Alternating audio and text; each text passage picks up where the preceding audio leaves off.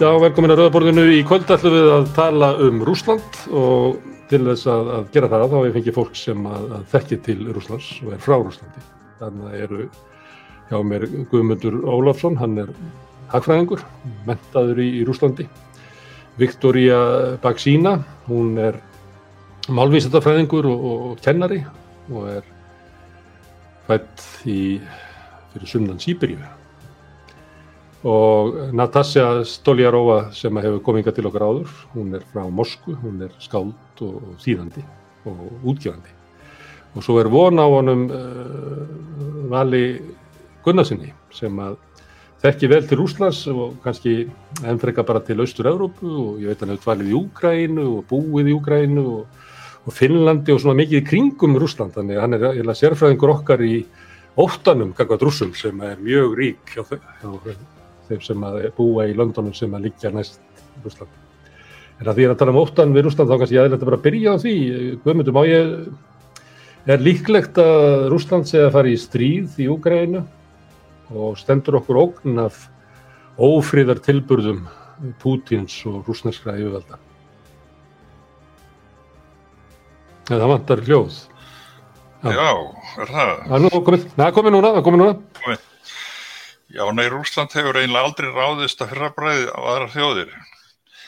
Það, það er mjög sjálfgætt. Það er uh, í þau skipti sem rússar hafa ráðist eða farið með herr eitthvað ráði á aðra þjóðir þá er það til dæmis í kjölfarið á, á, á hérna innrást nazista og síðan uh, áður þegar, þegar Napoleon ræðist á Rúsland að þá náttúrulega fylgdu rússar í kjölfarið og sátu í París í þrjú ár.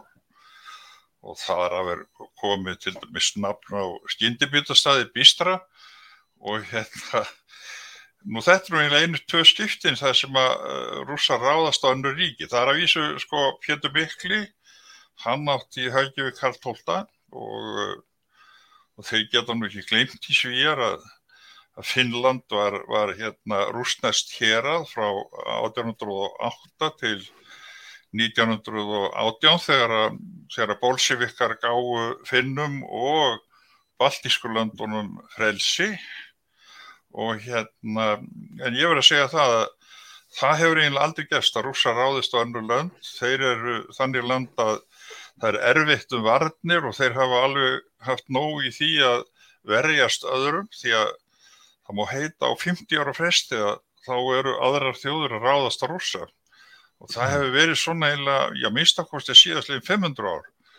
En Guðmundur, nú getur eitthvað svona tikkur lesað til morgunblassin sagt Afganistan, Prag 68 Afganistan var ekki hérna, innra á rúsa í Afganistan var rúsneskur hér, það var óskað eftir rúsum inn í Afganistan af ríkistjórn Natsibula þeir eðust ekki að fyrrabræði inn í landið og svo fóru mm. þeir þegar orðið var ljóst að þeir hefði ekkert að gera meira mm. Það gæti þeir ekki litið sambarlegt á, á Úkræninu núna, það væri ákall eh, rúsneska minnilhutans í Úkrænu eftir stuðningi rúsneska hessins og yfirvalda Já, það er náttúrulega sko, ákall, ég veit ekki hvað, hvað ákall það er, það er náttúrulega sko, rúsneski minnilhutanir í Baltísku landunum og Úkrænu hafa verið ofsóttir og beittir hérna beittir mannreitndabrótum á vestatægi þeir hafa ekki fengið kostningarétt, hafa ekki fengið vegabref og svo framvegis. Það er nú að vísa eitthvað að skána en þetta hefur verið svona í 30 ár og, og hérna það sem er alveg augljóst er það að það sem er að gerast í Rúslandi núna er bara einfallega svipa og það sem gerðist í bandaríkjunum þegar að rúsa ætlaði að setja við eldflögur á kúpu. Það var, var, var allt vittlust í bandaríkjunum síðan var samið um það. Bandarækjumenn tóku niður eldflugar í Tyrklandi og rússar tóku niður eldflugar á Kúpu og ég á ekki vonu öðrun að það gerist líka í Úkrænu að það verður samið. Þar að vísu sko bandarækjumenn hafa sendt her 3000 herrmenn sem er náttúrulega grín eh, til Európu og það er náttúrulega ákveðin augrun en ég held að það sé nú bara elli glöp hjá manninum. Þetta er svo vittlust að það, að það skilur þetta enginn Síðan hefur það bara gæst að síðan kynverjar tóku þátt í þessu, núna fyrir 3-4 dögum, líst hefur stuðningi við rúsa. þá er einlega öll spenna gufuð upp í þessu máli. Þá veit mm. allir að það verður ekkert stríð og þetta mm. eru átök sem eru óskup eðlileg vegna þess að það var búið að lofa rússum því 1994 þegar rússar fóru burt frá Þýskalandi að NATO myndi ekki seglast til áhrifa í Austur-Európu en það hafa þeir gert. Og það er mjög eðlert að, að, að rússar þeir, þeir hugsa sér um og vil, vilja vera viðbúnir. En, mm. en það er náttúrulega sko vera viðbúnir ekki, það, það, það er alltaf spurning hvað menn eiga ganga langt í því, þeir eru náttúrulega með herafingar rússar hafa nokkuð stóran her, ég held að séum þeir séum með miljón manns undir vopnum en herr rúsa er náttúrulega barnaveikur hjá bandaríkja herr sem eru með sko tvær og halva miljón á sínum á sínum vettvangi sko. Þannig að stærðarhlututin eru þannig að það er eiginlega ekki eftir að gera ráð fyrir því að rússasju að fara að efna til styrjaldar og kalla þetta yfir sig uh, hérna, Nei það hefur sko, nei, sko þjóðir og svona hópar það, það er ekki hugssjónur sem ráða þeirra gjörðum, það eru hagsmunur og það hefur engin hag af stríði á þessu svæði, ekki nokkur maður. Það vil engin bandaríkja maður fara að fórna lífi sínu einhver staðir í Saporocci hér. Það vil engin rússi fara að fórna lífi sínu einhver staðir í vestur Úgrænu. Það er bara þannig og, og, og, og það er að vísu sko, það hafa undanfærið verið sjálfbóðaliðar, rúsneski sjálfbóðaliðar sem hafa barist með uh, hérna, mönnum í Donbass en það eru þúsundir sjálfbúðaliða í Úkrænu hernum svíjar bandarækjamenn og þjóðverjar. Þannig að það er allavega og ég, en það eru einu, einu menninni sem hafa hugsanlega áhuga á einhverju stríði. En, en sko við getum alveg gefið okkur það, það eru bara vittlisingar og það er alltaf í kringum svona stríða að það er svona ákveðin hópur af vittlisingum sem að vil gætna eh, sko hafa haga af, af, af stríði. Nú, en, en síðan er það náttúrulega aðstæður í bandaríkjónum eru mjög skrítnar. Bandarískur vopna yðnaður, hann er þannig að það eru versmiður í hverju einasta fylki í bandaríkjónum. 20% af fjárlögum í bandaríkjónum eru til hernaður og það er einhvern mestu útgjöld sem nokkur ríki hefur varið til hernaður í, í mannkynsögunni. Það er bara hannig og alveg svo Eisenhower fórseti spáði þegar hann laug sínum ferli að þá eru bandarækjumenn óskaplega háðir þessum yðnaði. Hann heimtar meir og meira, hann heimtar stríð og frá 1945, þar að segja á fríðar tímum, þá eru bandarækjumenn búin að drepa 20 miljón manns í hérna öðrum löndum. Mm. Og þetta er, er alveg rosalega hluti sem að heims byggðin verður að fara að hugsa út í. Það er ekki hægt að umbera svona mandrapsvél. Hmm.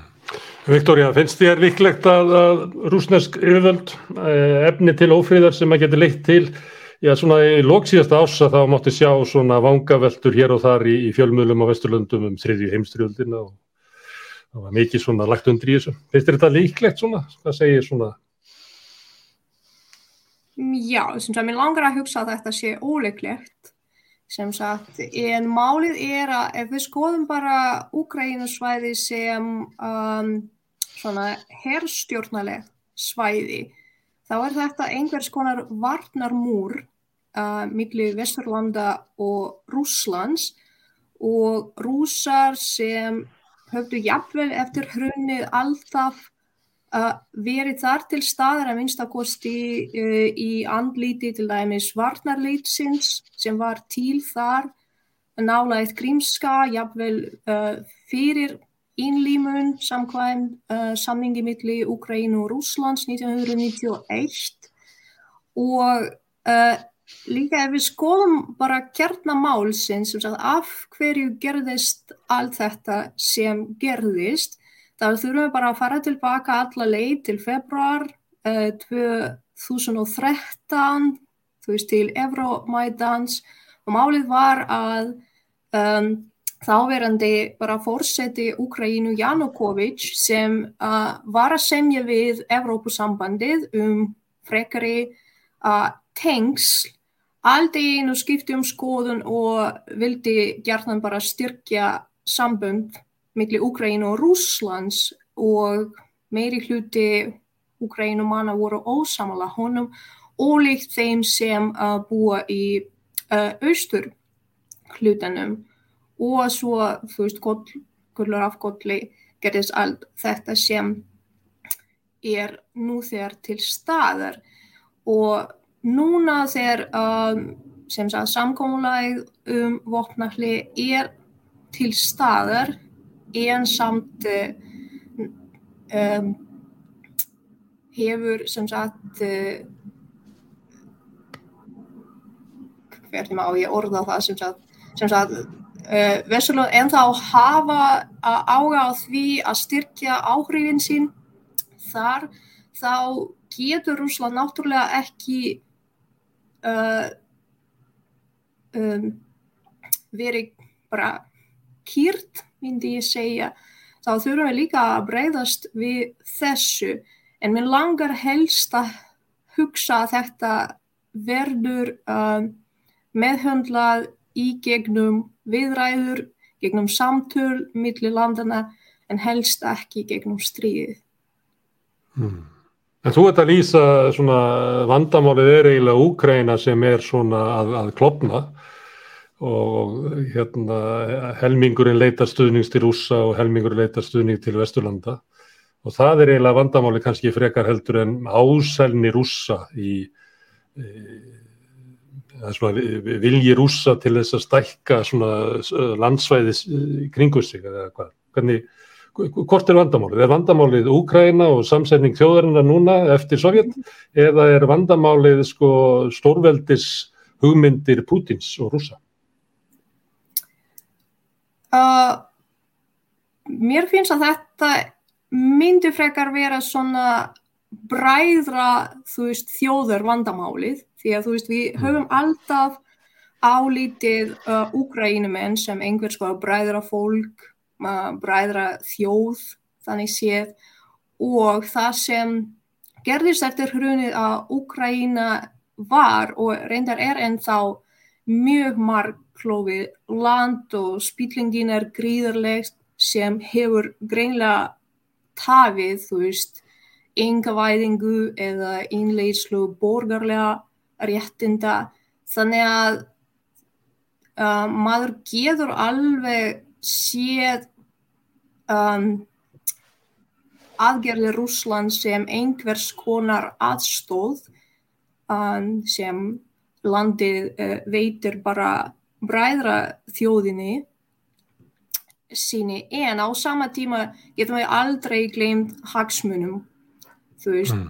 eins og ég nefndi herðsjórnlega séð er þetta mjög mikilvægt svæði en ef vesturlunni ætla að styrkja áhrifin sín þar þá þarf Rúsland hvað sem er að breyðast við þessu á einhverja hátt.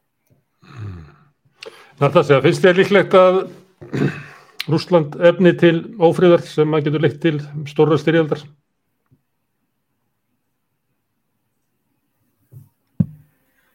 Uh, ég persónulega er svolítið í afneitun. Um, hmm.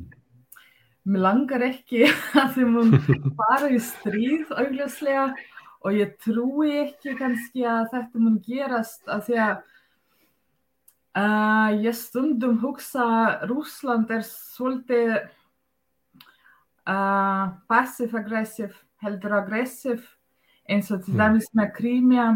Um, það voru, þú veist, ekki svona herrmenn, ekki margir dóu og það var svona með referendum uh, og það fer, þú veist, það skiptir ekki svo stóru máli hvort það var svona rétt eða ekki, ég veit hvernig kostningar virka, en á sama tíma mér finnst ef við skoðum uh, krimjadæmi, þá var það frekar svona peaceful.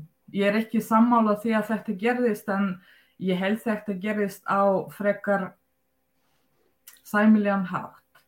Og uh, til uh, Rúslands að fara í stríð, það mun kosta mjög mikið með alls konar sem mun koma tilbaka og ég held nú þegar það er mjög mikið í gangi í Rúslandi um, og enginn þarf þess.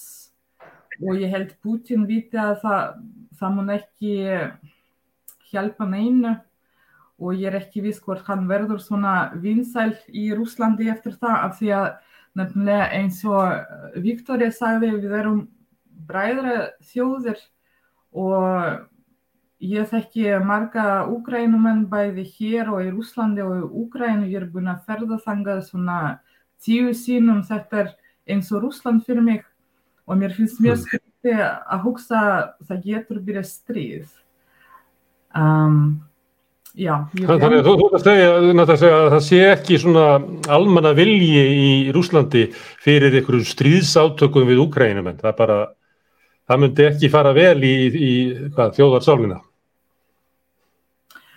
Nei, það sem uh, ég tók eftir, ég til dæmis, ég tala við fóröldra mínar og þau eru svona Uh, dæmigert fólk sem er að horfa á frættir í sjónvarpinu og reynir ekki að þú veist að móka djúpt og finna hvað er rétt og rangt. Og þau bara segja mér að nei, nei, þetta verður allt í lægi, það verður engin stríð og það er bara fjölmiðar í uh, útlandum sem er að reyna veist að gasta skýta á Rúsland eins og venjulega uh, og fólk hugsa ekki að það verður stríð á sama tími ég sér að margir uh, vinnir frá Úgrænu eru svolítið viss að það verður stríð og þau eru að undirbúa það og ég veit að söngvarar byrja að syngja svona patriotiska lag og fólk eru að svona andlega undirbúa sig fyrir stríð og það er alls ekki þannig í Rúslandi. Hmm. En þú sagði reitt að náðan að þú sagði að eins og vanalega þá er, er, er fólk að kenna rúsum um hitt og þetta. Er þetta tilfengin í Rúslandi að, að Rúsland sé nota sem kannski ógn og óvinnur í Östur-Európu og kannski Vesturlöndum og í Bandaríkjónum sem að, að rúsar eiga bara ekkit eh, inni fyrir, eiga ekkit skilið þessa, þessa stöðu sem er verið að setja þá í sem er svona einhverja ógn og vond, vond, vond ríki. Er það ríkjandi í rúsum að upplifa það að aðrir hafi svona neikvæða sín á rúsa? Já, já. Og það er mjög mikið tala í frettum að þú veist, bandaríkjumenn sagði þetta en þau gerðu þetta, af hverju enginn tala um það og til dæmis með Georgi 2008 uh, það var eitthvað vesen með það að um, útlenska uh, fjölmiðlar þau syndi mynd af georgiskum hermannum og skrifaði að það sagði að þetta voru rúsar uh, og alls konar svona en það er mikið tala um þetta að allir eru bara á móti okkar en ég held þetta líka bara hluti af svona propaganda. Hmm.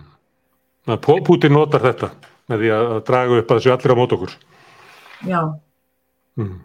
Það, er, er algengt hjá svona allraðis eh, yfirvöldum, það er bara þannig.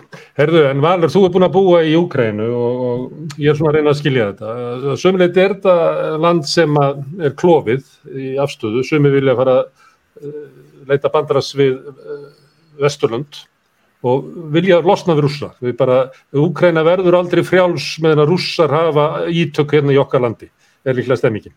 Hinnum einn er, er, er, er fólk sem að segir það að að, hérna, að, að upplifið sig sem svikið með hérna, samskiptum uh, stjórnvalda við Vesturland og horfa á tengsli við Rúsland sem líflínu til þess að geta að lifa þarna.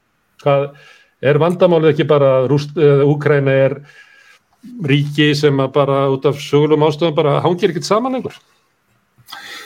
Ég, það gæti verið ofsögum satt sko við hérna fall Sovjetríkjana þá fóru þessi ríki all mismunandi leiðir við að ákveða hverjir væru þegnar hins nýja ríkis. Uh, í Íslandi og Lettlandi fóru við þá leið að bara þeir sem gáttu rakir ætti sínar aftur fyrir, fyrir heimstyrjöld fyrir slætti heimstyrjöld og áður en það voru innlimar í Sovjetrikin töldust þegnar ríkisins í Úkrænu var svo leið farin að bara allir sem voru stattir innan uh, landamæra ríkisins undir lok árs 1991 voru uh, þegnar sem í sjálfuðu sér er, er líklega betri leið en uh, stundum við mönnum voruð heitt í hamsi eins og gerðist eftir mætanbildinguna þegar þetta skams tíma að hérna, úgrænska þingið uh, bannaði rúsnesku sem ofinbært tungumál í austuhjörðunum sem alltaf gerði þetta þar brjálaða og dróði þetta síðan tilbaka því þetta var auðvitað alveg, alveg galið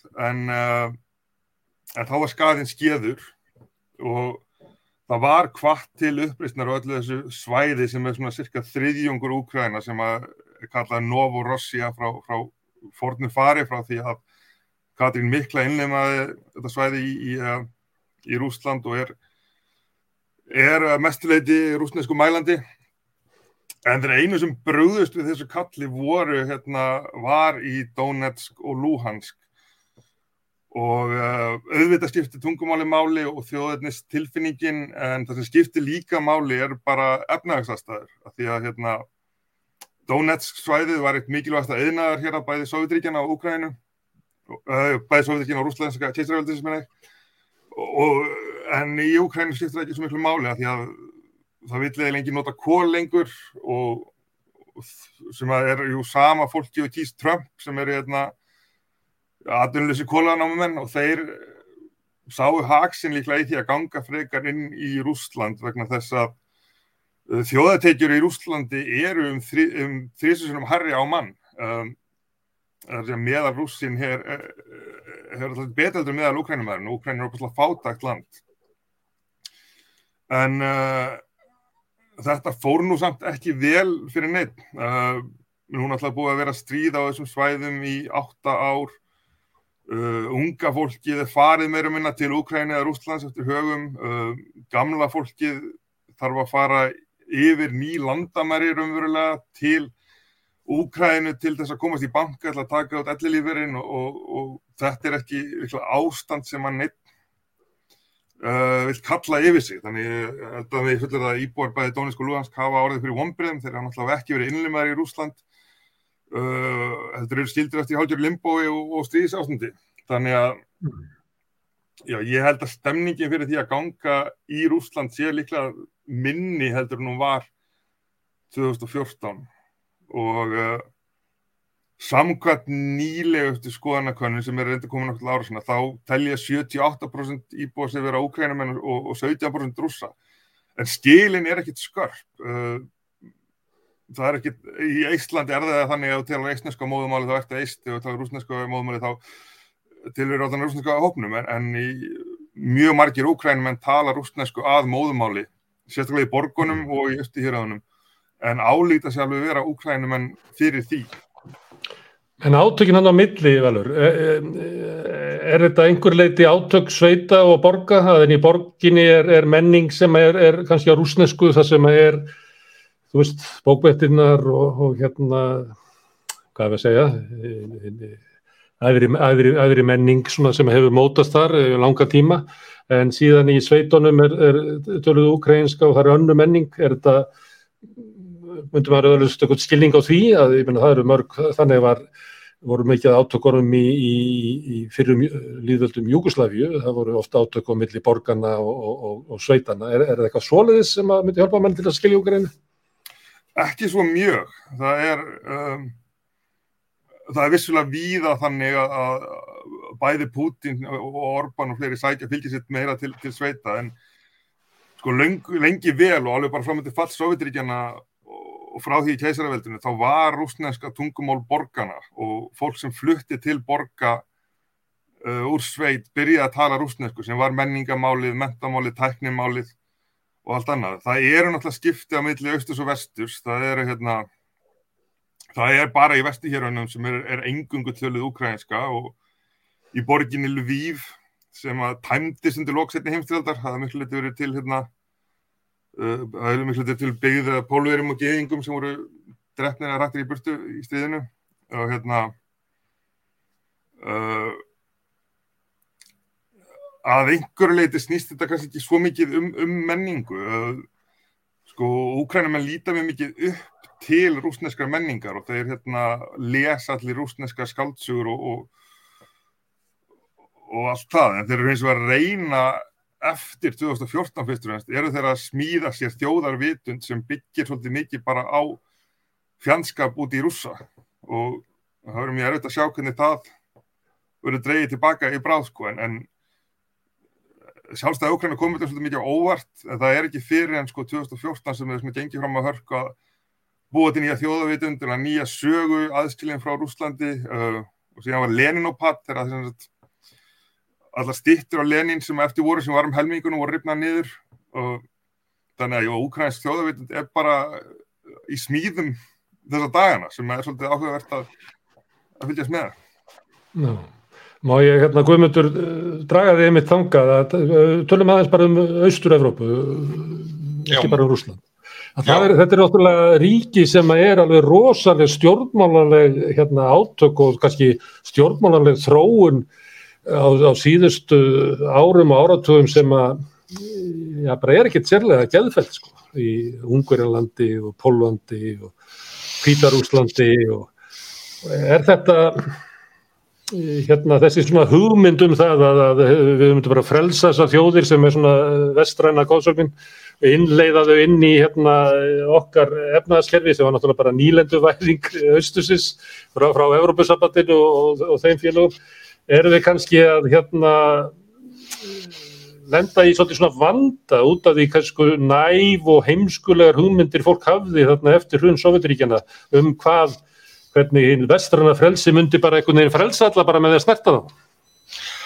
Já, það, það má orða þannig en, en, en sko þeir hafa austur-európmenn hafa sumuleiti verið sviknir. Európa-sambandið var með mjög stífan áróður fyrir því að það er svo gott fyrir þá að, að hérna verða hlutar af þessu Európa-sambandi og það hefur einst afar misjant og jável mjög sleimt við getum bent til dæmis á að þessi lönd eins og Eistarsaltsríkin að það er þriðjungur íbúana farin síðan 1991 þar vísu til dæmis í Íslandi það er 15% íbúana farin en svo er það 15% sem vinna í Finnlandi og borga skatt í Íslandi en þeir koma heldur aldrei tilbaka.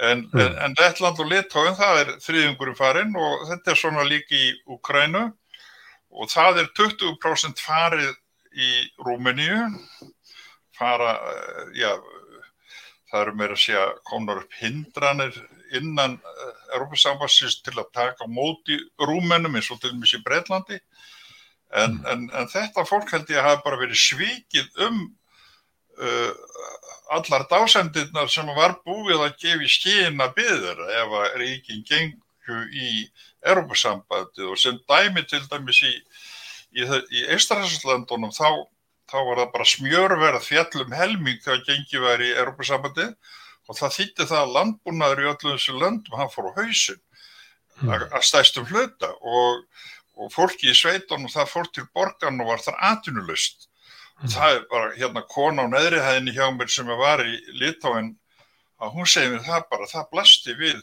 dauði fyrir fólk sem ekki bjó náland Vilnius og hún segir mér það að þetta er engum lita og fara tilbaka í þess sko, og þetta eru svona fátækrar kistur að verða.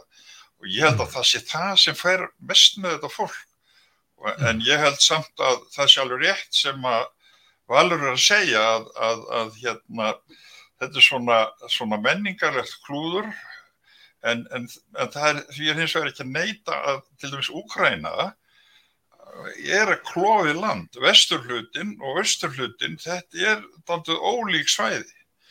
Svo er það náttúrulega að taka tillit til þess að, að, að hérna yðnaðurinn í austurhlutanum hann var engöngu í því að framleiða fyrir rúsa, til dæmis sporvagnarframleiðslan, uh, allir rúsneski sporvagnar voru framleiðir í Luansk, að ég maður rétt og, og hérna samir að segja til dæmis um hafnirnar í Eistasaltríkjónum byggðust á útlutningi frá rússum og innflutningi til Rúslands.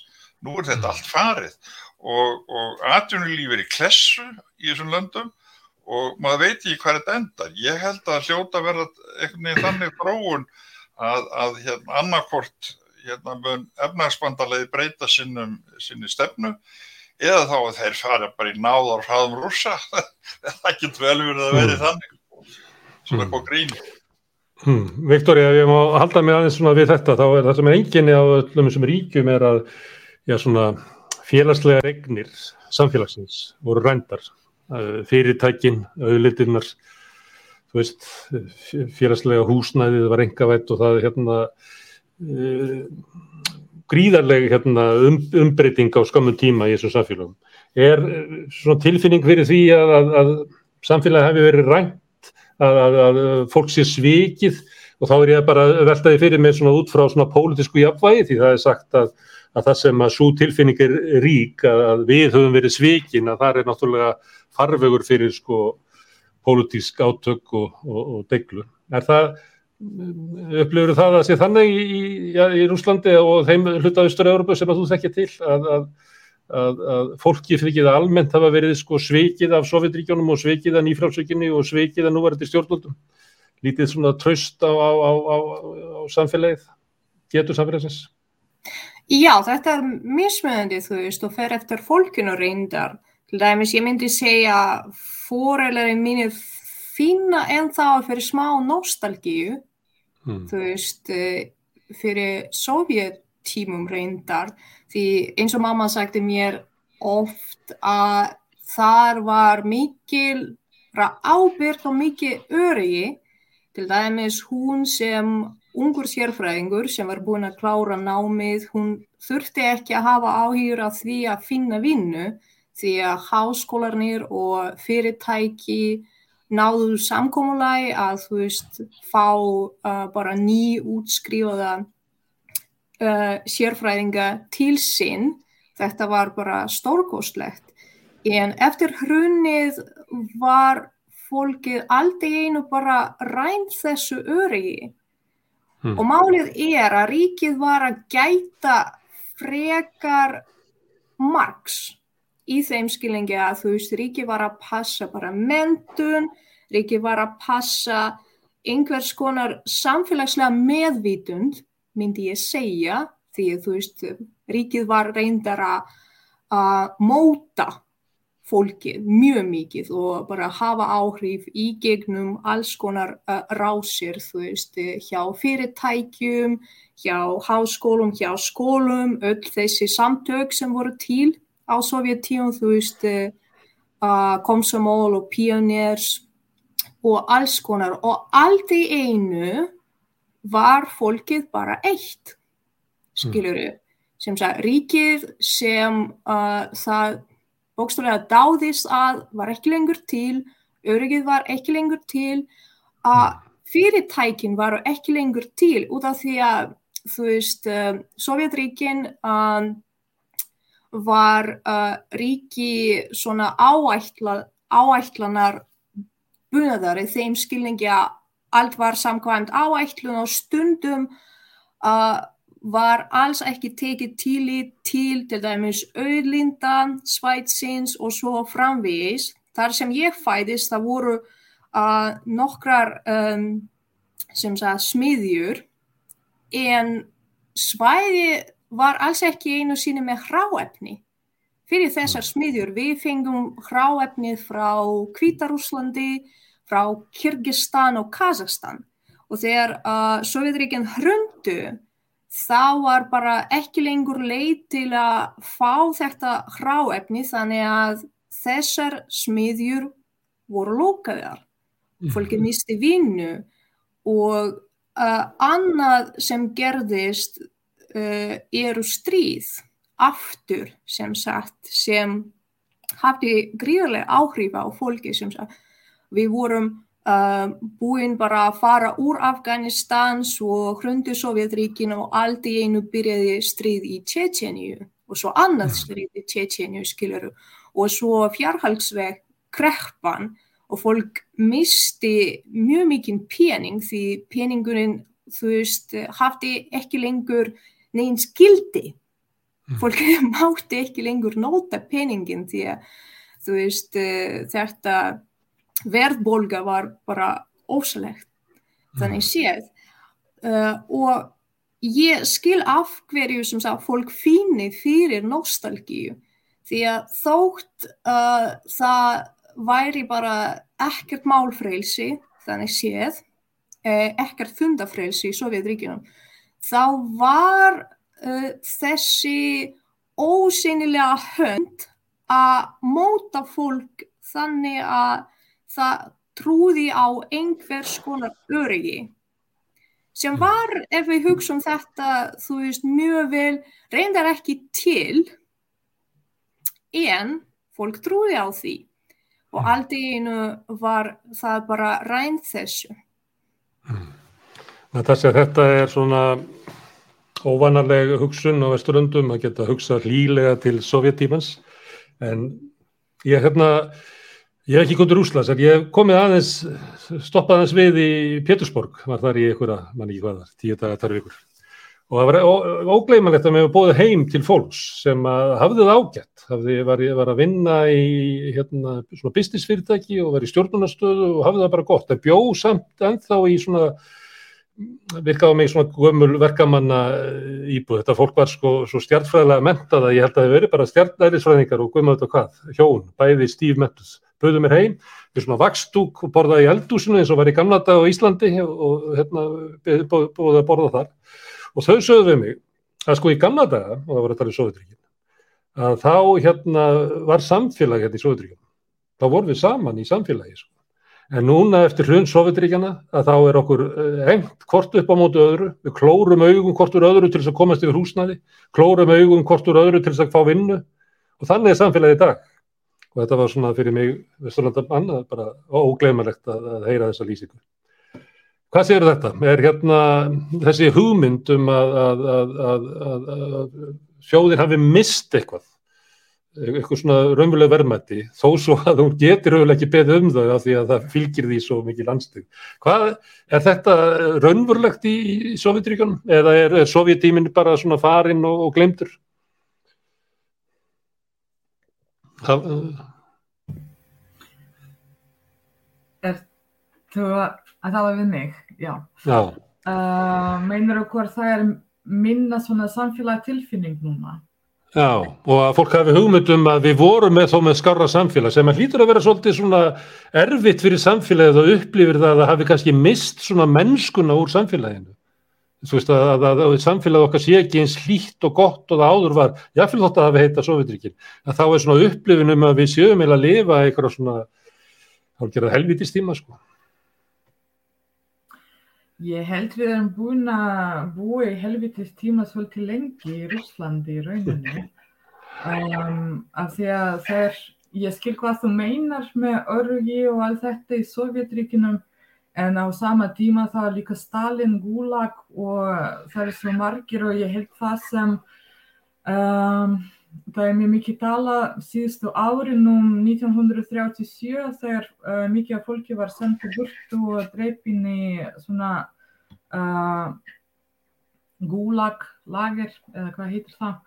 Um, en málið er að það er bara sama sem er að gerast núna. Til dæmis það er nýjasta nýtta uh, svona merkjafólk og fyrirtæki sem uh, foreign agent og það þýðir að þú getur ekki unnið eins og til dæmis það er mjög stór uh, fjölmiða sem eru í Latvíu. Um, og þau eru foreign agents núna og það þýðir að þau geta ekki um, lífað á auglýsingum. Það er engin má vinna með þau og þau verða að skrifa svona fimm línur texta í hverju skipti og þau posta eitthvað að þetta er uh, skilaboð frá foreign agent hver einasta skilaboð á netinu þau verða að gera það ef þau mun ekki gera það þá mun þau fá sekt eða manneski eða einhvern úr fyrirtæki mun fara í fangilsi og það er líka mikið svona hattur í gegnum svona samkjöfneið fólk til dæmis. Ég þekki einn ríthafan sem er nýbúin að fá bókmyndaverðlaun, hún er lesbija og einhvern uh, skrifur á Wikipedia hennar að hún er lesbija og uh, feminist og einhvern frá svona, ég veit ekki hvaðan, hringdi í bókmyndaháttið þar sem hún uh, var að dagskrá og bað þau um að hætta við hana og þegar, um, þegar þau vildi það ekki þá bara lokaði þau bókmyndaháttið mm. og mér finnst það mjög svipað eins og það var í Sovjetríkinum en er, uh, er ju að minka svona nostalgíu. Þegar ég var í Moskú í sumar, ég tók eftir því að það eru mjög margar svona rísastór murals í byggingum um stríð, af því að rússar eru mjög stolt að þau eru búin að vinna stríð og það kom mér mjög mikið ávart þegar ég byrjaði að fara til útlanda að fólk held að það var ekki rússar sem vann stríðinu, svona stríðinu. Og ég bara, bandaríkjumenn, hvað gerðu þau? Ég er bara alveg í sjokki af því að það er bara, þetta voru rússar, við unnum. Og það er 80 árum setna þau er ennþá að nota þetta sem svona patriotist propaganda. Og líka í allsjóðgarðunum það er að spila svona sovjersk uh, tónlist og svona sovjersk stemning. Um, en já, ég held það er ekki mjög góðar tímar eins og það var áður líka. Nei. Þannig þið lostið bara ekki við þetta, þið eru með ógnarstjórn keisarans og ógnarstjórn Stalins og nú eru þið með ógnarstjórn Putin, það er bara það breytist allt en það breytist ekki neitt. Nei, ég held það breytist ekki neitt í rauninni Nei. En, en segðu mér eitt að áður ég spil val, eh, en þú hafði rétt fyrir þér, það voru rússar sem önnu seti í heimstyrjutuna, það voru ekki bandaríkjaman. ja, Meinar þú hvort ég Já, hvort þú trúir því í dag, trúir, ekki, er ekki viss á því ennþá í dag að það var rússar sem önnu seti heimstyrjutuna en ekki bandaríkjaman? Uh, ég held það var coalition, eða hvað heitir það, ekki bara rússar, Já, já. það voru En bandamenn. Kannski bandaríkjumenn. Já, Band, eh, bandamenn er þetta kallað á ís, ís, íslensku, það voru, hérna, voru bandamenn, það voru samvinna bandaríkjaman að breyta sovjetmann á fleiri. Erðu Valur, af því að nú spyr ég aftur sem úgrænumann og þetta með þetta, ég heyri það hjá þeim, Natasju og Viktoríu, um svona frændþjóðirnar og, og svona rúsanir vilji vel að hafi svona skildur gagvað úgrænumannum. Og þetta er svona björnin sem að vil hérna faðma þessi ríki að sér, að þau vilja ekki láta faðma, faðma að sér. Hvað eh, afstæða austurafrumanna til rússa eru hérna ekki góð. Það er litið á rússa sem ógn, ef ég má vitna aftur í dæmi hérna frá mér, að hérna það er pólsk verkakona hérna í Reykjavík sem er alveg upp í austur héröðu Bólans. Þið munið að eftir hruna þá var Davíð Oddsson að tilkynna að fá lán hjá rússum. Hún gerði þessi far heim til mín til þess að byggja mig að reyna að stoppa þetta og ég hafði náttúrulega engin áhrif á Íslandi til þess að geta gert það. En henni fannst þetta að vera svo svakalegt hvað væri að gerast? Að hún tók, bara fór í kápana sína og tók töskuna sína og heimsótti mig og hefur alveg heimsótt fleiri til að byggja mig lengstra orða að reyna að stoppa það, ekki fá lán hjá rússum. Og þetta er svona afstæða margra í Östur-Európu til rússa, þeir bara, það er allt betri rússland. Já, það er náttúrulega ofsögum sagt að, rússar hafa aldrei ráðist á nákvæmnaríki sinn en að þeir verður ekki starta land í heimum með því að byggja fallega og Uh, ég hef oft tekið svona, eða reynda að útskýra aftur rúsa því að það er svo margum menn fatt ekki að þeir hafi allar þess að vera hrættir við Vesturlund en, en það er hins vegar alveg rétt að allir, allir nákvæmnar rúsa eru hrættir við þá. Og uh, að miklu þetta til fer þetta aftur í setni heimstyrjöld og fyrst og fremst mismunandi tólkanir á setni heimstyrjöld og, og mismöndi leksíur sem menn þess að hafa lært af því. Í Rústlandi og rústlandi söguvitund uh, ekki síst þessa daginn eins og komið fram er föðurlandstríði mikla sem, sem við kalla setni heimstölduna Napoleonstríðin voru einhvers Napoleons og föðurlandstríði en föðurlandstríði mikla er algjörlega miðlagt í söguvitund rússa og eiginlega í þjóðarvitund líka eftir fall Sovjetríkjana þá vissu rússar ekkit annarlega hverju þið voru, hvort þið voru góður eða vondir eða kannski alltaf bara verið vondir eða hvað en, en hluta af, af, af verkefni Pútins hefur verið að skapa nýja rússinska þjóðavitund sem að snýst svolítið mikið um sigurinn í setni heimstjöld, þetta er sem allir rússar geta saminast um. Uh, þetta er að fara að vera heilar og heilar og það má ekkert gaggrína og ekkert, ekkert segja slæmt um Rúslandi setja heimstöld og, og 9. mæ sem er sigurstagurinn er mest í hátíðadagur ásins en í Östra-Európu eru menn með alltaf að sín, en rússar líta svo áfyrstur að, að hérna, stríðið byrjaði 20. júni 1941 þegar Þískland réðist á Sovjetríkin allt fram að því var svona upptaktur þar sem að rússar voru að reyna að, að tryggja varnir sínar með því að leggja undir sér nákvæmnaríkin eins og Eistræðslöndin, Östurvita Pólans, uh, Moldófu og uh, hér við í Finnlandi. En uh, í Östur-Európu er, er, er sínin allt önnur. Þar lítar menn svo á að setni heimtöldin hafi verið að byrja 23. ágúst 1979 með Molotov-Ribbentrop samningnum með samkúmulagi Hitlers og Stalin til að þau eru búið millir sín. Og uh, þannig eru Sovjetríkin orðin sko samseg frá upphafi. Mm. og þess að tvær sögur sínir ná þetta ekkert, saman. Þannig að Sem að, sem að setur deiluna í Úgrænu í allt annað samingi ef, að, ef að þú trúir því að það verið sovjetmenn sem að störtuðu setja heimstyrjöldinni þá eru átök þeirra á, á, við, við Úgrænu já, kannski tilöfnið til að óttast það sama að þetta geti leitt til þess að það verði til nýja heimstyrjöld. Já, og heimstöldin er líka svolítið miðla í þeirri deilu að Úkrænumenn líta svo á að Putin sé Hitler og þeir sé að verða sér gegn útenslu hans meðan að, margir rússa líta svo á að Úkrænumenn séu bara uh, fasistar sem að sumið þeirra voru í setni heimstöld en, með margir ekki og hérna og einhverja svona þjóðættisnýfingar hafa verið, verið með fakist átt þannig að það, með, með þeirri deilu þá er einhvern veginn setni heimstöldin óutkljáð og hérna Mm. og, og síðan allir þjóðir er með, með ennara leksju sem þeir, þeir lærðu. Ég var í hérna, Þískalandi í, í byrjun ást 2014 þegar að rúsa löðandi sér krímska og þá var bara búið betra til Berlín af, af plakatum, bara nýja vitar krík og, og, og mynda Þískum Hermanni döðum fyrir framann Brandenburgarliðið og hérna þeir vilja ekki annað stríður Úsland, þeir eru búin að fá þessu alveg fullsata af sko. Mm. Mér er Herðu, alltaf, sjá bara Já.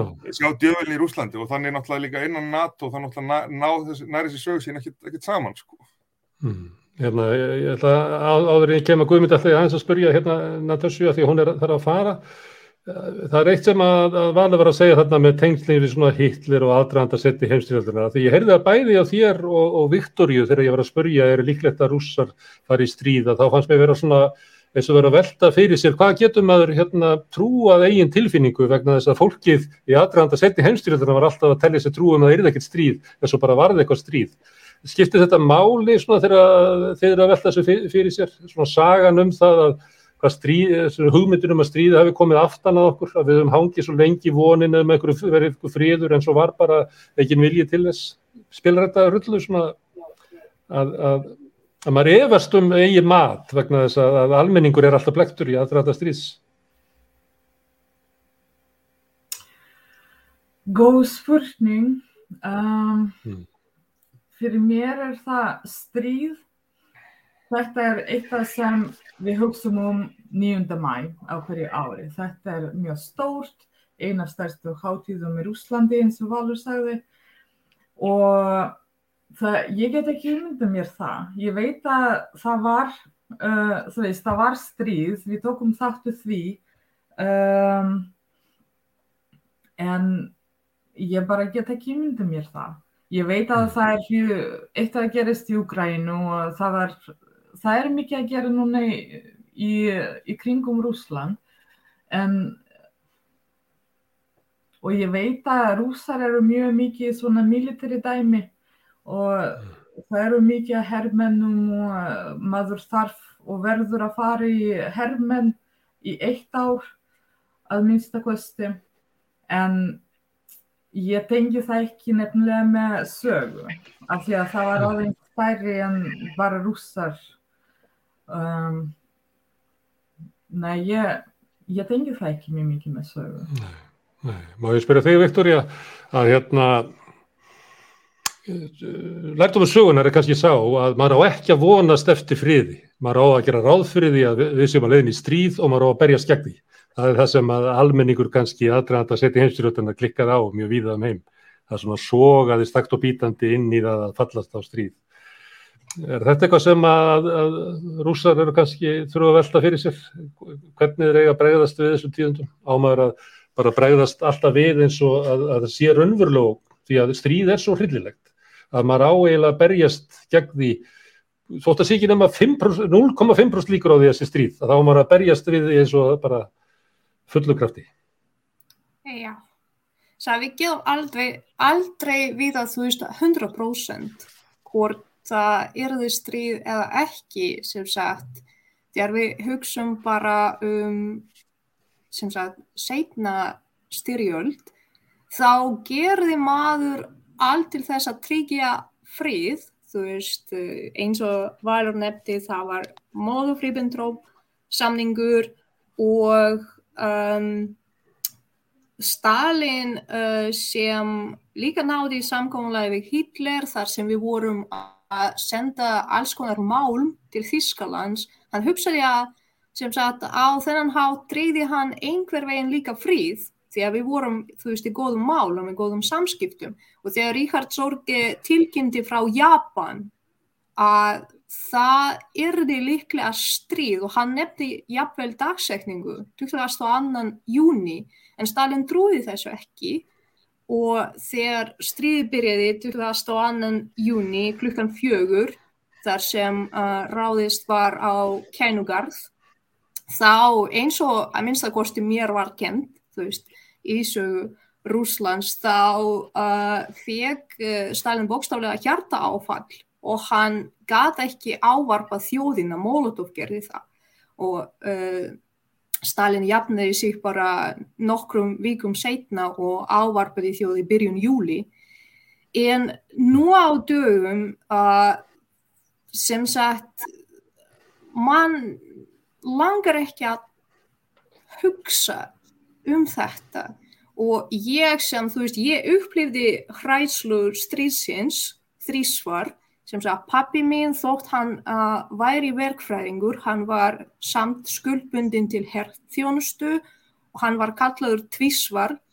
Þegar fyrsta stríð í Tjetjenju byrjaði og svo í annarskipti hann slapp báðum sínum um, af tilviljun myndi ég segja, í fyrsta skipti uh, gæt hann ekki farið út af því að hann var bara helsta fyrirvinna fyrir tvær fjölskyldur á þeim tíma því við okkar dó og þannig að pappi sá bara um tvær fjölskyldur á sama tíma og í annars skipti slapp hann út af því að hann var ungur foreldri með tvö börn og við vorum yngri en sjö ára á þeim tíma og í annars skipti var þetta 2015 þegar bróðir mín ákvað að fara í hér þetta var bara hans ákvörðun og út af því að hann er, þú veist, voða sterkur ungur maður, þá var bara talað mikið um að senda hann til Sýrlands á þeim tíma.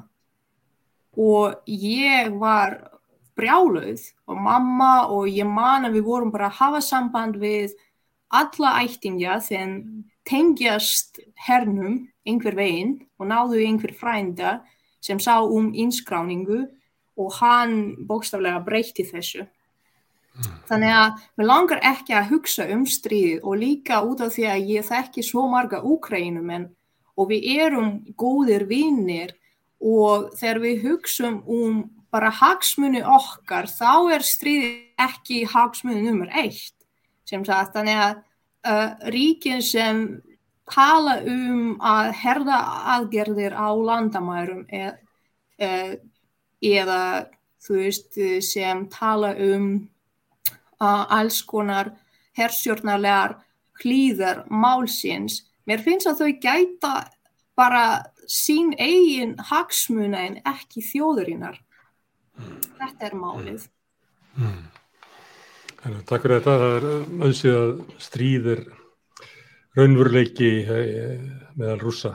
Það er, hérna, maður heyrir það í hvernig þið talið. Að, að þetta er raunveruleiki sem er kannski fjarlægur okkur hérna á Íslandi sem hefum ekki þessa reynslu af stríði. Guðmundur, ég veit ekki hvort þú viljið bæta ykkur við þegar má ég byrja um svolítið svona annað anna mál sem er að því að hérna, við verðum að tala um, um ógnina af rúsum og allt þetta en uh, þú ert ert hrifinn af rúsnesku samfélagi og hérna, elskar, elskar rúsa og elskar rúsnesk samfélag. Þegar þú ert að horfa á þetta núna og svona með þróunina, ertu bjart sín fyrir hönd rúsnesk samfélag að það munir þróast út úr þessu Putin tíma til eitthvað skóðs eða hvað, hvernig tilfinningu hefur þau svona til hérna hvert rúsnesk samfélag er að þróast? Já, ég horfi þetta út frá þetta frá því ég var hægt að vera nám 68-70 og, og það hafa orðið alveg gífurlega breytingar í Rúslandi frá þessum tíma. Og ég fóð til dæmis í ferð frá, ég sildi niður allar volgu 1900, nei, 2019 sildi, sildi frá Moskú til Astragan. Og ég voru að segja það að breytingarnar eru miklu, miklu meiri heldur í nokkur tíma náttu von á. Rúslandi voru afskaplega bjartir og hressir í staðin fyrir að þeir voru innilokaðir og feimnir 68 og 70 og ég segi bara þessar breytingar eru alveg rosalega góður og tala um það sem að um Putin sem einhvern harðstjóra og þetta sé einhvern einveldi það bara hlægilegt rögl mm. uh, sennilega er flokksræði þarna eins og hjá okkur það er bara samskonar kerfi.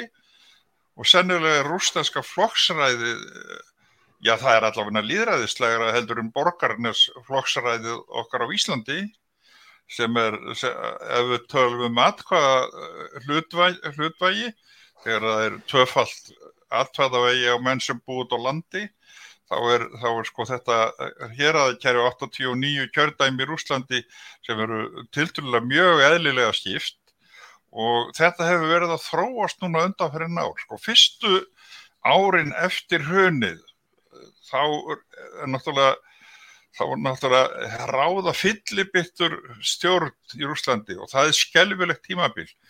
Eh, Fátaktinn hún vóks og þjóðartekjur fóru læks 1996. Síðan eftir það þá fer nú aðeins í hörna til og eftir 2020 í tí, nei, 2000 segi, eftir 2000 þegar Putin kemur til valda þá hafa þjóðartekjur og mann meir en tífaldast, alltaf þessi ekki tólfaldast og það er bara allt annað líf í þessu landi. Landið er náttúrulega, það náttúrulega blasir við að Rúsland er mjög fátækt land. En, en, en sko fyrir, fyrir mig sko sem hefur reynd að, að hérna, leggja mig eftir tungumálinu og skilja fólk, þá, þá líkar mér betur í rúsa hefur en flest aðra.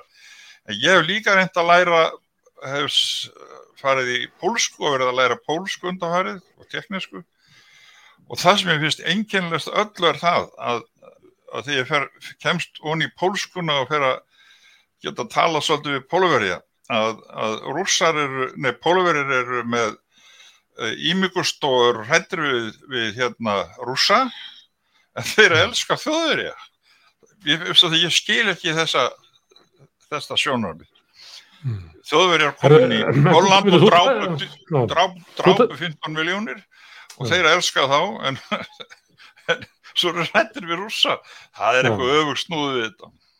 Þú talar um, um Putin sem svona Putin frenda eins og var talað um Stalin í, ja, Stalin frendi.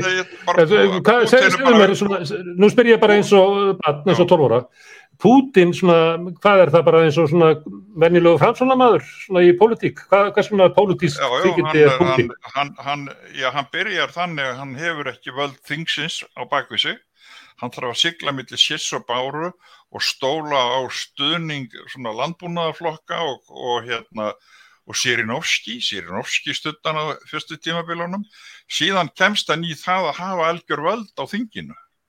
Og, og þá breytir svolítið tónin, síðan er Medvedev fórseti eitt tímabil, hann er alltaf merkilegu guður með gleima honum alltaf.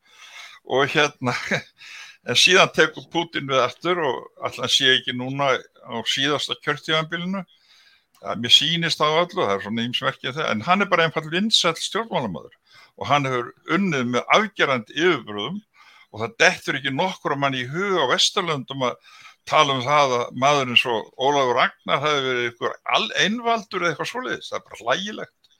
Putin er bara stjórnmálamöður við venjulegar aðstæður í liðræðisríki þetta er bara kristið líðræðisríki og menn eru bara ekki búin að átt að sjá því hér á Vesturlöndi. Ég er að sömuleita við sammála henni Natasju að ég var opbáslega hissa þegar ég áttaði mig á því hvernig mannfall var í síðari heimstyrjöldin að bandaríkjumenn hefðu mist 407.000 manns þjóðverjar 8 miljónir og rússar 27 til 8 miljónir. Þetta voru upplýsingar sem ég var ekki alin upp við. Ég var Mm. alin upp við bandarískar kappbóimyndir og það að bandaríkjumenn hefðu sigrað allt og þeir voru henni miklu sigurvera. Svo kemst ég að því á gammals aldrei þegar ég er að skoða hægtölur að þetta er lígi. Auðvitað voru það rússar sem unnu styrjöldina. Og þá er þetta að segja það að hugmyndir okkar um Rússland og um Putin er eitthvað sem að þjónar bara uh, stjórnmálan fólki á Vesturlöndum við að Já. sannfara okkur um eitthvað vegna þau eru alltaf að nota ógnina til eitthvað bara blaðakostur bandaríkjana hefur lagt á það gífurlega áherslu að útmála Pútín sem millmenni. Í það Mm. hefur verið 1 miljörðum dollara. Hmm. Og ég sé ekki annað en að það sem hann gerir, hann er að reyna að, að, að, tryggja fylgi sitt með að rússa og hún er að tekst honum.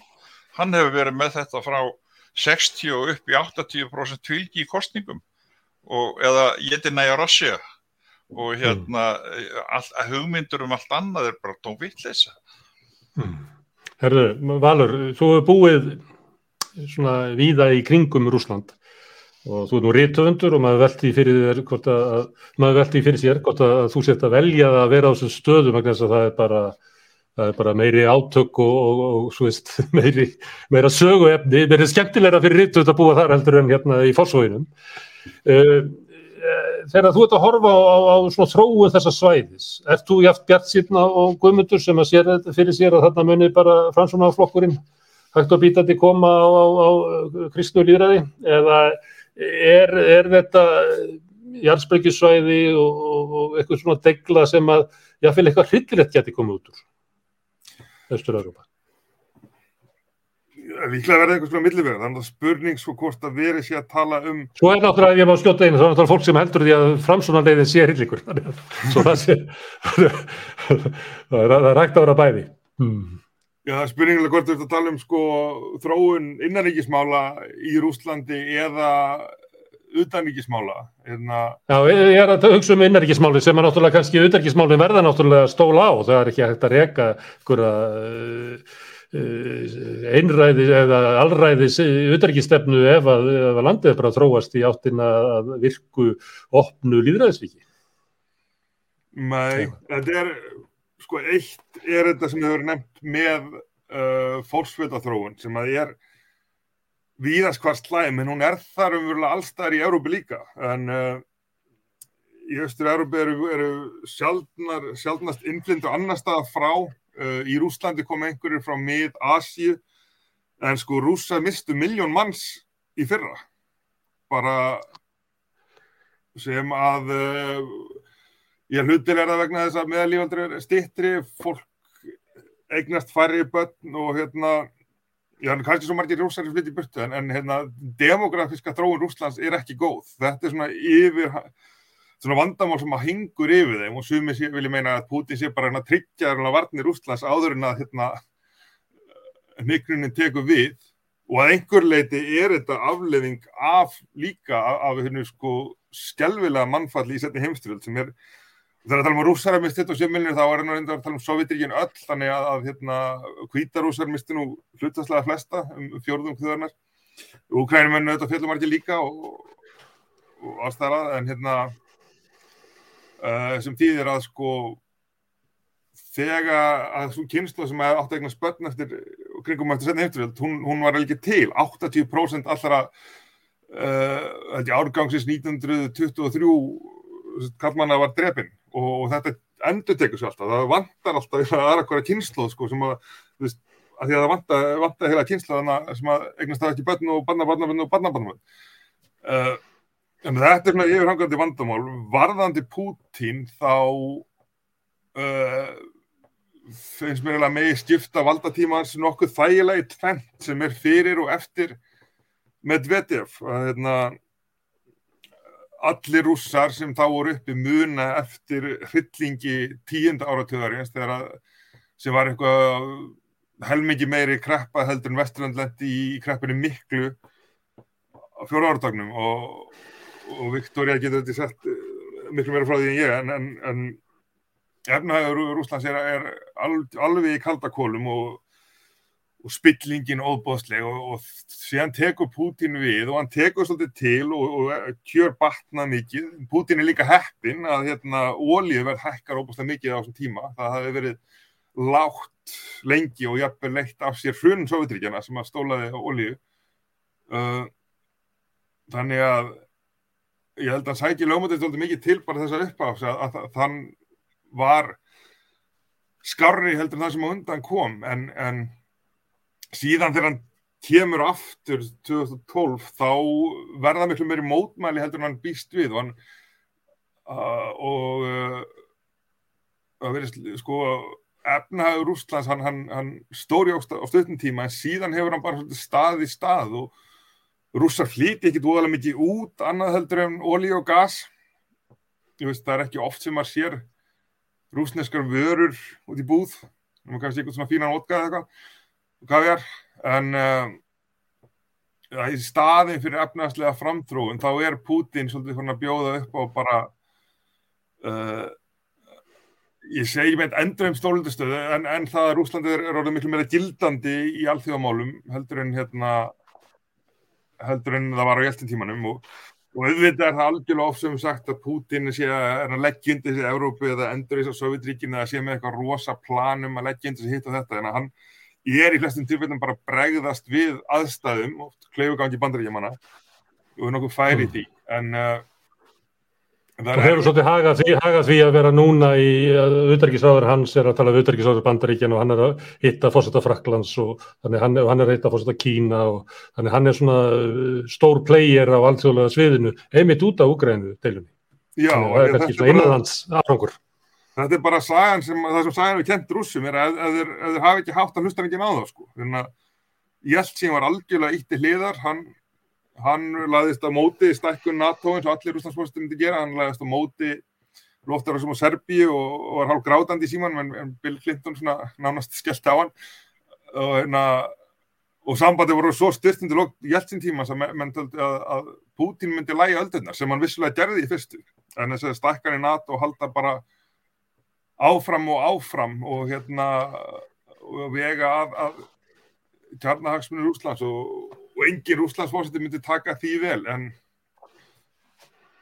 ég, En þú ert ekki, þú ert ekki að svara spurningunum um þú skart þessi heimslutir að þróast svona. þú treystir ekki þess Já er, erum við að tala um sko utanriksmáli, einanriksmáli, erum við að tala um utanriksmál þá eins og sem við þing með republikan er að benda á þá liggja hagsmunir bandaríkjana raunverulega ekki í því að stakka át NATO eða, eða ebla ítöksin í þessum heimsleita. Þvert á móti þeirra, þeirra raunverulega óknir Kína og, og, hérna, og, og maður, maður finnst líklegt eftir því sem að bandaríkjinn kannski drægir sér meira tilbaka og einhvern sem er Asíu þá þá er alltaf hæpið að NATO muni stakka meira en þetta verður uh, verður verður eitthvað spennu valdur af því þeim heldur ekki, ekki segjast ekki alltaf að gera það. Uh, síðan alltaf þetta er bara stóru spurningin. Hvað gerist þegar Pútin einhver daginn fellur frá, hann alltaf er, er 70 í ár. Og hérna mun uh, og nú hann er búin að vera svo lengi hann er búin að vera lengur þetta um Brjastnef og það er komin upp ný kynst og rúsa sem hann ekkert eftir hillingi sko hjæltsinn tímans og, mm. og vill eitthvað nýtt. Og mun mun kynnslóðin á eftir eins og Gorbachev gerði eftir að Jeltsin fjall frá uh, vilja breyta öllu eða mun hún vilja halda putinismannum áfram og hérna og þó að vissulega sé, sé þessi spenna stórun hluta til vestuvöldunum að kenna þá er líka erfitt að sjá að það mun eitthvað breytast fyrir en Putin fer frá það er bara, mm. sambandið er bara orðin það slæmt að, að hérna að vonandi þegar Putin fellur frá mun einhver stuttur glöggi mynda það sem hægt er að er að koma allir með þessu samskiptum í betra horf eins og gerist þetta fall Sovjetríkjana og vonandi mynd það ekki vera jafn illa nýtt eins og, eins og gert á þá. Já, já, Það er kannski hæpi líka að óska þess að, að Putin falli frá hann og vel á sig komin, Kallin Já, ég segi Og- einhvern daginn, einhvern daginn með að láta völdum, eh, held daginn með Elisabeth Bretadrottning láta völdum. Já, já, hún er 97 ára, þannig að við gætum átt 27 ára eftir að Putin. Herðu, Viktoria, bara stutt í lokin, hérna, hefur tilfinningu fyrir því að, að, að saga Rúslands sé að þróast á góða, góða átt, að, að, að Rúsland eftir 10 ár, 20 ár verði betra samfélag heldur en það er núna? Sko, ég sem kennari, þú veist, ég vinn með unga fólkinu mjög mikið og ég dáist reyndar af yngri kynnslóð í Rúslandi sem sagt hversu uh, forvitið þetta fólki er og hversu gáfað myndi ég segja. Til dæmis við sem upplifðum alls konar til dæmis eftir, þú veist, Gjörning Pussy uh, ræðat í uh, Dómkirkjunni uh, við fórum á mótmæla þú veist á manjasna torginu en þessi kynnslóð er jafnvel sterkari en minn kynnslóðin sem sagt. Kynnslóðin sem er kannski aðeins 5 eða 10 ára yngri en ég sem sagt. Þeir sem er nú orðnir bara 20 ára. Þetta er sterk kynnslóð sem- með ákveðnum skoðunum sem uh, hefur aðgang að öllum upplýsingum sem við höfum reyndar ekki uh, því interneti var ekki eins þróað þegar ég var unglingur þannig að þetta kom miklu seinna. En mér langar að trúa sem sagt að þessi kynnslóð nær því að breyta uh, uh, kerfinu sem er nú þegar til því að mér finnst að um, margir atbyrðir sem uh, eru nú til staðar endurtakast. Líkjast þeim sem við uh, lesum um í bókum um Sovjetríkin sem sagt um, ofsóttir, þú veist, uh, fangabúðir um, alls konar hryllingar sem voru til á tímum Sovjetríkjana eru ennþá til eins og Natasha nefndi og, og lísti mjög vel en ég trúi bara á yngri kynnslóð. Ok, það er algengt að fólk út um allra heim trúir því að unga kynnslóðin muni bjarga þessu messi sem við byggum til. Það er það á við í Rústandi svona þar. Herðu, ég hérna, þakka ykkur kærlega fyrir að, að gefa ykkur tíma til þess að koma og, og spjalla við um Rúsland sem að, og afsakaði að ég bara spyr eins og batna því ég veit ekki um Rúsland og hérna, þakka ykkur þólið með þeina. Þakka þeir sem að, að, að hafa notað þetta, þess að þetta eiginlega námskið sem ég er á og staldra hérna við og, og hlustaði á þetta gáða fólk talað um Rúsland. Þakka ykkur kærlega fyrir að stoppa hérna við. Uh, Rauðaborðið er hlutið af samstöðinni og samstöðin er haldið úti af, af alþjóðufélaginu. Þið getið skoða það eða farið inn á samstöðun.is. Þið getið gert félagar í alþjóðufélaginu og hjálpa okkur við að byggja það upp. Hérna eru margir þættir. Natasja Stóljaróa sem að var hérna áðan, hún er til dæmis með þátt sem heitir Íslendinga spjall með hrein, þar sem hún talar við innflytjendur um íslensk málefni og málefni innflytjenda á Íslandi og það er einn af mörgum þáttum sem eru í samstöðinni sem eru um innflytjendur, það er líka þetta um leyendur og margt fleira. Til þess að, styðja þessa uppbyggingu samstöðunar þá getið þið gert félagar í aldrei hvernig til þess. Hvernig líka til þess að dreifa þessu þætti ef þið getið það því að þessi dreifi kerfi e, samstöðunar eru raunverulega bara því. Þið getið farið inn á síðu samstöðunar á Facebook, líka síðu samstöðunar inn á YouTube. Ég hvernig til þess að læka þetta og gera stafskjöfundur og hjálpa okkur við uppbygginguna. En takk fyrir í kvöld.